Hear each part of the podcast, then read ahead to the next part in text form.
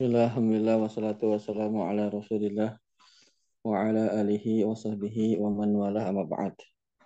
Alhamdulillah, segala puja dan puji syukur, mulilah senantiasa kita panjatkan kepada Allah yang pagi hari ini Allah memberikan kesempatan kepada kita membuka pagi kita dengan ibadah dan semoga Allah Subhanahu wa taala mengistiqomahkan kita untuk terus bisa beribadah kepadanya sampai Allah Subhanahu wa taala memanggil kita.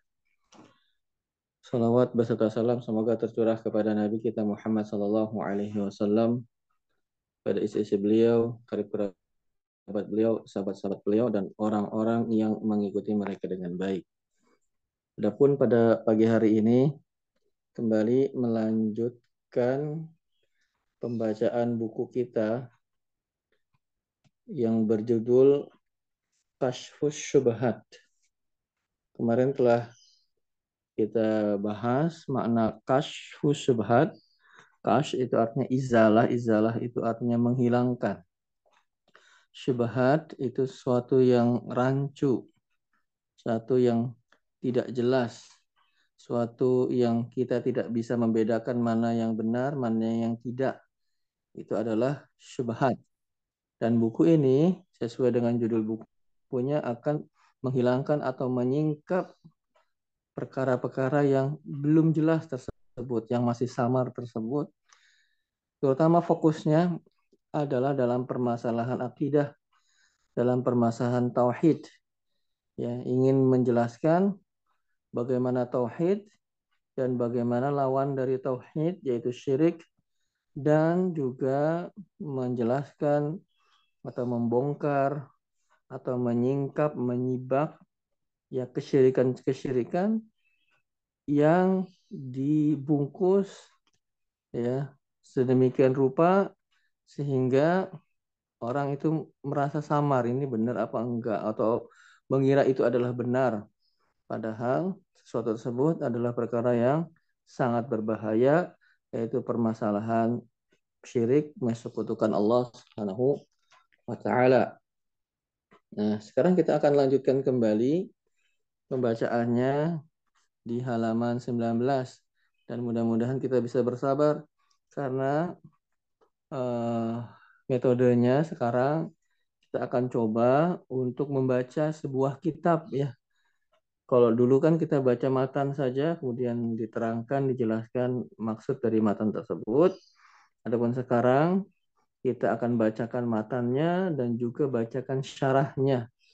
Kalau matan Matan itu maksudnya, jadi maksud dengan matan adalah tulisan ya dari uh, pengarangnya langsung. Maksudnya uh, redaksinya itu, tulisannya itu adalah tulisan pengarang. Nah, buku kita Kafsy Syubhat, pengarangnya adalah Syekh Muhammad bin Abdul Wahab rahimahullahu taala. Yang akan dijelaskan risalah ini buku ini oleh Syekh uh, Abdul Razak ya hafizahullah taala. Nah, yang buku kita baca itu adalah buku Syekh Abdul Razak yang menjelaskan tentang matan yang ditulis oleh Syekh Muhammad bin Abdul Wahab yang berjudul Kasyusyubhat. Jadi nanti ada uh, matan dan ada penjelasannya. Ya, matanya itu biasanya alhamdulillahnya buku kita ini berwarna-warni ya. Matanya itu ditulis dengan warna biru ya. Nah, itu warna biru itu setiap ada warna biru dalam buku yang kita baca itu berarti adalah matan kasyusyubhat yang ditulis Syekh Muhammad bin Abdul Wahab rahimahullah.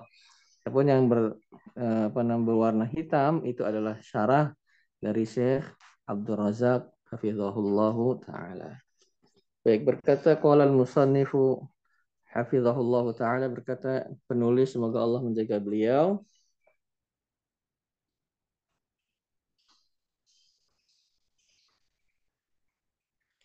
Ya, halaman 19 sudah ya. Coba lihat. Halaman 19 yang baris ketiga itu dari layar itu dari atas satu dua tiga ya, yang eh, oh, oh, sampai wabada'a rahimahullah. Ini baris berapa kok di layar ya? Di layar kaca. Halaman 19 betul. 1, 2, 3, 4, 5, 6. Terus ke bawah lagi. Saya coba di bukunya ya.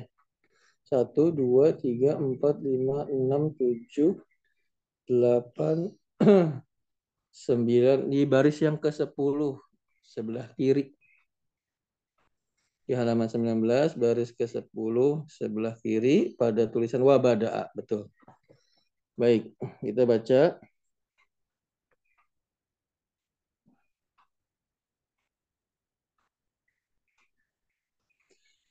Wabada'a. Wa artinya dan. Bada'a memulai. Dan memulai bada'a yabda'u. Rahima semoga merahmati hu nya Allahu Allah. Semoga merahmatinya Allah, maksudnya penulis ya. Dan penulis memulai bahu kitab buku hu-nya. Penulis memulai bukunya bil basmalati bil dengan al basmalah Bismillahirrahmanirrahim. Ya. Jadi risalah Kasyfus Syubhat ditulis oleh Syekh Muhammad bin Abdul Wahab. Tulisan pertama dalam buku tersebut, dalam kitab tersebut adalah basmalah. Lafat basmalah. Bismillahirrahmanirrahim. Yang perlu kita ketahui, ya ini tambahan dari saya ya ada istilah yang mirip-mirip antara basmalah dan tasmiyah. Itu mirip ya. Kalau dikatakan basmalah, maka yang dimaksud adalah bismillahirrahmanirrahim. Lafat tersebut. Kalau yang disebut dengan tasmiyah adalah hanya ucapan bismillah. Ya, ini ada istilah-istilah yang perlu kiranya kita ketahui kalau ada istilah basmalah maka yang dimaksudkan adalah lafal Bismillahirrahmanirrahim. Kalau ada istilah tasmiyah, maka yang dimaksud adalah lafal Bismillah saja. Nah, beliau Syekh Muhammad bin Abdul Wahab memulai bukunya dengan basmalah. Dengan bismillahirrahmanirrahim. Sebabnya kenapa? Beliau dan banyak para ulama lain juga, bukan hanya beliau saja. Banyak para ulama tatkala menulis kitab-kitab mereka, maka yang pertama kali mereka tulis adalah lafaz basmalah. Sebabnya kenapa? Nah, beliau lanjutkan kembali. Pertama, ini kalau kita mau buat poin-pointers, maka ini yang pertama adalah ta'asian, mencontoh bi dengan kitabillahi kitab Allah maksudnya Al-Qur'an mencontoh Al-Qur'an ya jadi kalau kita buka Al-Qur'an Pertama kali kalau kita buka Al-Quran bukan dari kiri ya. ya kebanyakan orang-orang yang bukan muslim kalau disuruh baca Quran biasanya mereka bukanya dari apa surat Anas duluan ya. Padahal bukanya dari depan dari Al-Fatihah. Kalau kita buka yang pertama kali Al-Quran itu tulisannya Bismillahirrahmanirrahim sebelum surat Al-Fatihah itu kan atau diperselisihkan memang bismillah itu apa masuk Al-Fatihah atau tidak. Pada intinya adalah tatkala kita membuka Al-Qur'an pertama kali lafat yang awal di Al-Qur'an yang mushaf yang kita pegang itu kalau kita buka maka yang pertama kali lafadznya adalah Bismillahirrahmanirrahim. Maka oleh sebab itulah ya kenapa para ulama memulai penulisan kitab-kitab mereka dengan lafat basmalah. Pertama, sebabnya ada beberapa sebab. Yang pertama ini ta'asyan bi kitabillah. mencontoh kitabullah, mencontoh Al-Qur'an karena Al-Qur'an lafaz pertama di dalamnya ya yang paling awal adalah basmalah. Itu yang pertama sebabnya. Ini kita belum masuk ke inti bukunya ya, baru mukaddimah. Kemudian sebab yang lain selanjutnya wata asian dan mencontoh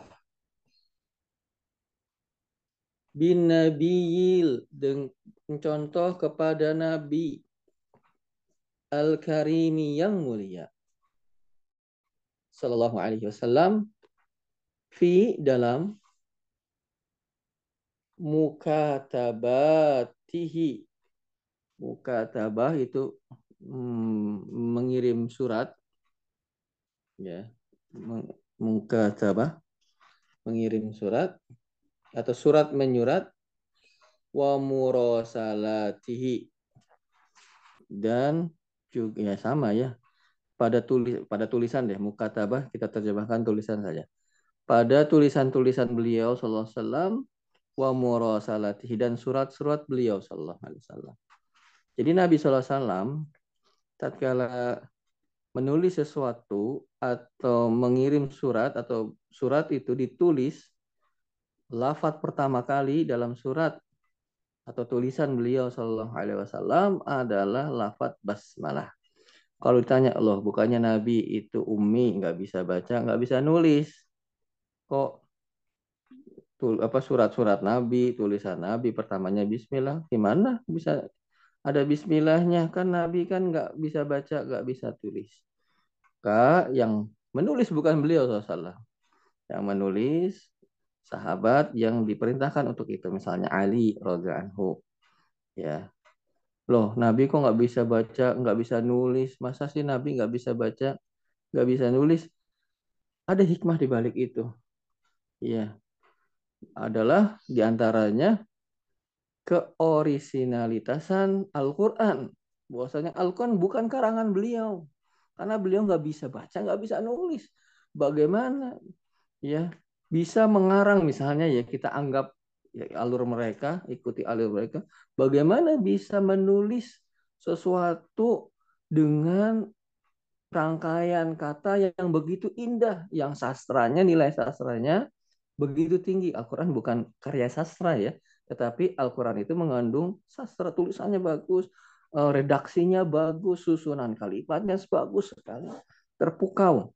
Jadi Al-Quran itu turun tatkala orang-orang Arab itu di puncak-puncak keemasan sastra mereka. Ketika itu Al-Quran turun dan mereka takjub dengan bahasa yang disampaikan dalam Al-Quran. Nah, kalau Nabi itu bisa baca, bisa nulis, maka tuduhan Al-Quran adalah karangan dari Nabi SAW itu semakin kuat. Nah, ini mematahkan itu enggak nggak mungkin Nabi Muhammad SAW beliau yang mengarang Al-Quran beliau Nabi yang umi tidak bisa baca dan tidak bisa nulis. Tetapi kembali ke permasalahan kita bahwasannya dalam setiap tulisan dan surat beliau Shallallahu Alaihi Wasallam diawali dengan basmalah dengan Bismillahirrahmanirrahim yang diminta kepada sahabat untuk menulisnya. Ya, apa contohnya?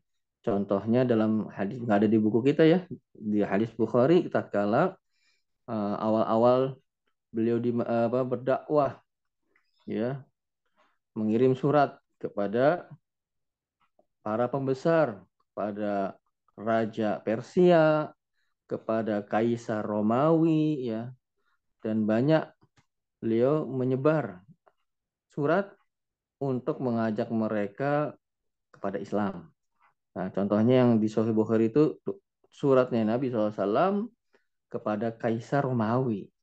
Ya, Raja Romawi Heraklius. Ya, beliau menulis awalnya Bismillahirrahmanirrahim. Ya, min Muhammad bin Abdullah dan seterusnya aslim taslam. Berislamlah engkau, masuk Islamlah engkau, engkau akan selamat. Yang hampir-hampir saja Raja Heraklius itu Kaisar Romawi itu apa ya begitu tertarik dengan Islam. Ya. tetapi tidak masuk Islam karena ya kedudukannya. Kalau masuk Islam maka dia akan ditinggalkan oleh oleh rakyatnya. Ya, tetapi dia itu ya, dalam hatinya yang membenarkan putusan ini. Ya, menghormatinya. Surat tersebut. Adapun Raja Persia merobek-robek surat dari Nabi Sallallahu Alaihi Wasallam, maka Allah gantikan apa yang mereka perbuat dengan merobek-robek kerajaan mereka. Di tangan Umar bin Khattab radhiyallahu Jadi pada intinya kembali ke permasalahan kita surat setiap tulisan Nabi SAW beliau awali lafat ini lafat basmalah. Oleh karenanya para ulama mereka mencontoh Nabi SAW dalam tulisan-tulisannya jadi ini sebab yang kedua. Sebab pertama tadi mencontoh Al-Quran. Sebab yang kedua kenapa para ulama menulis dalam risalah-risalah mereka? Awal kali yang ditulis adalah basmalah karena mencontoh Nabi Muhammad Sallallahu Alaihi Wasallam. Ya, sebenarnya ada beberapa lagi sebab cuman beliau cukupkan dengan ini dan cukup saja. Ya, jadi disunahkan hukumnya sunnah tatkala menulis surat ditulis dengan Bismillahirrahmanirrahim. Tapi yang perlu diperhatikan tatkala kita eh, mendapatkan tulisan atau surat yang bertuliskan Bismillahirrahmanirrahim, nah itu hati-hati itu karena ada lafaz Allah di sana. Ya jangan sembarangan ditaruh di di mana? Di tempat-tempat yang terhina diinjak-injak anak orang ya dibuang di tong sampah lapa tersebut. Ya itu harus diperhatikannya gimana caranya dibakar suratnya ya atau dihilangkan nanti lafat basmalahnya kalau ingin dibuang dan seterusnya. Pada intinya di sana ada lafat yang mulia jangan dihinakan begitu. Itu yang perlu diperhatikan. Memang agak repot kalau ada tulisan-tulisan yang ada basmalahnya harus kita perhatikan begitu maksudnya. Kemudian selanjutnya beliau akan membahas Syekh Abdul Razak tentang lafat ini, lafat basmalah yang merupakan tulisan awal dari risalah kasyufat. Yang dimaksud dengan basmalah apa? Beliau mengatakan. Nah, ini berkaitan dengan bahasa Arab ya. Wal ba'u wal dan huruf ba kan bismillah tuh pertamanya ba tuh bi hurufnya kan huruf ba-nya kasroh ya wal ba'u dan huruf ba fi pada bismillahi nah kan bi huruf ba-nya kan ada pertama tuh apa maksud dari huruf ba tersebut adalah ba'ulis isti'anati. Ba, huruf ba yang artinya isti'anah. Isti'anah itu minta tolong. Minta pertolongan. Jadi kalau kita belajar bahasa Arab nanti huruf-huruf jar itu punya makna. Ya, kalau kita terjemahkan kan di awal-awal kita belajar bahasa Arab kalau bi artinya apa dengan gitu saja. Padahal banyak versinya, banyak makna, banyak arti nggak dengan doang. Ya, Salah satunya adalah isti'anah. Ya, artinya apa isti'anah? Minta pertolongan. Jadi bismillah ya dengan menyebut nama Allah saya minta tolong kepada Allah gitu loh maksudnya. Ya, kita memohon pertolongan kepada Allah ya Allah tolong saya gitu. Pada dasarnya. Nah, itu namanya baknya balisti'anah. Ada itu dalam bahasa Arab, contoh lainnya bukan di buku kita ini. Hanya contoh kalimat saja agar kita paham terutama yang belajar bahasa Arab misalnya ada kalimat begini eh, kata betu atau kataba Muhammadun bil kolami kataba Muhammadun bil kolami kataba artinya telah menulis Muhammadun artinya Muhammad bi dengan al-qalam itu pensil atau pena Muhammad telah menulis dengan pena. Maksudnya dengan itu apa? Dengan bantuan pena. Begitu loh. Nah, itu namanya disebut dengan huruf banyak itu maknanya apa? Maknanya isti'anah. Minta pertolongan, minta bantuan. Gitu ya. Huruf baknya pada bismillah maksudnya meminta pertolongan kepada Allah. dengan menyebut nama Allah kita memohon pertolongan kepadanya begitu atau saya meminta pertolongan kepada engkau ya Allah begitu maksudnya Kemudian wa qauluhu dan perkataan beliau, beliau itu yang dimaksud beliau ini oleh Syekh Abdul Razak maksudnya Syekh Muhammad Abdul Wahab ya, penulis matan kesyufad. Wa qauluhu dan ucapan beliau yaitu rahimahullah Syekh Muhammad Abdul Wahab Bismillahi Bismillah ai yaitu ai itu artinya yaitu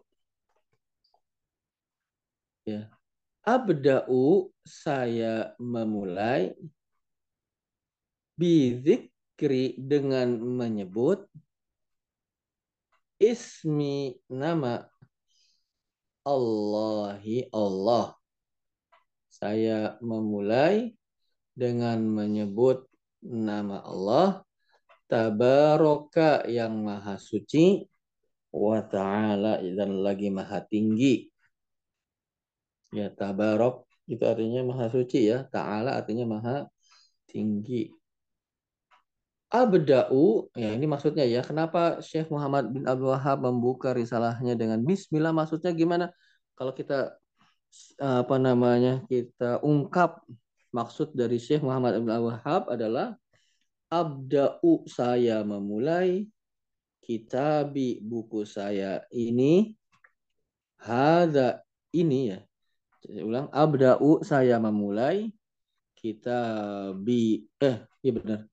Kita bi buku saya haza ini saya memulai buku saya ini au atau aktubu saya menulis kita bi buku saya haza ini saya memulai atau saya menulis buku saya ini maksudnya gitu musta'inan dengan memohon pertolongan tuh karena banyak mbak isti'anah tadi musta'inan dengan memohon pertolongan billahi kepada Allah. Tabaraka yang maha suci wa ta'ala lagi maha tinggi.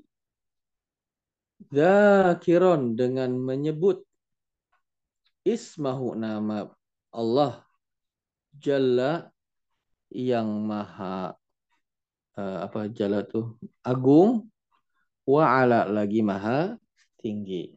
Ya, jadi maksudnya beliau menulis lafaz bismillah itu gimana sih kalau mau kita jabarkan ungkapkan maksud beliau saya mulai atau saya menulis buku saya ini dengan menyebut nama Allah ya dalam apa dengan memohon pertolongan kepada Allah Subhanahu wa taala ketika menyebut namanya. Jadi gitu. Ya, ketika beliau menulis ya saya menulis menyebut nama Allah ini memohon bantuan dari Allah Subhanahu wa taala. Ya. Memohon bantuan apa? Agar ya banyak mohon bantuannya agar diikhlaskan dalam menulisnya agar uh, bermanfaat bukunya tersebut agar orang-orang yang membacanya mendapatkan hidayah, taufik dan hidayah, agar orang-orang yang membacanya mudah memahami banyak, memohon pertolongan kepada Allah Subhanahu wa taala yang berkaitan dengan buku beliau tersebut. Iya. Baik. Ya, sedikit lagi kali ya. Apa atau mungkin sampai di sini dulu ya, Bapak-bapak ya. Ya, insya Allah sedikit-sedikit ya. Mohon kesabarannya karena sekarang metode kita adalah membaca kata per kata ya dari suatu kitab dan biasanya yang seperti itu sekarang pengajian yang kitabnya dibaca kata per kata itu di daerah Jagotabek ini ya tidak banyak begitu ya. Seperti itu. Yang sering pengajiannya itu tematik gitu, ada tema dibahas begini. Nah, itu biasanya. Nah, maka alhamdulillah nih ya, kita coba untuk pengajiannya adalah membaca kitabnya. Kitabnya dibaca semua kata-katanya. Ya. Banyak maksudnya agak pertama yang memotivasi untuk belajar bahasa Arab misalnya atau familiar tidak setidak-tidaknya dengan bahasa Arab bahasa agama kita Yang kedua, kita bisa menikmati kata perkata yang ditulis oleh para ulama tersebut. Ya, setiap katanya kita bisa ikuti dan kita nikmati dan kita pahami tulisan dari para ulama tersebut. Ya, demikian. Allah alam biswab. Ada yang ingin disampaikan? Apabila ada yang disampaikan dipersilahkan.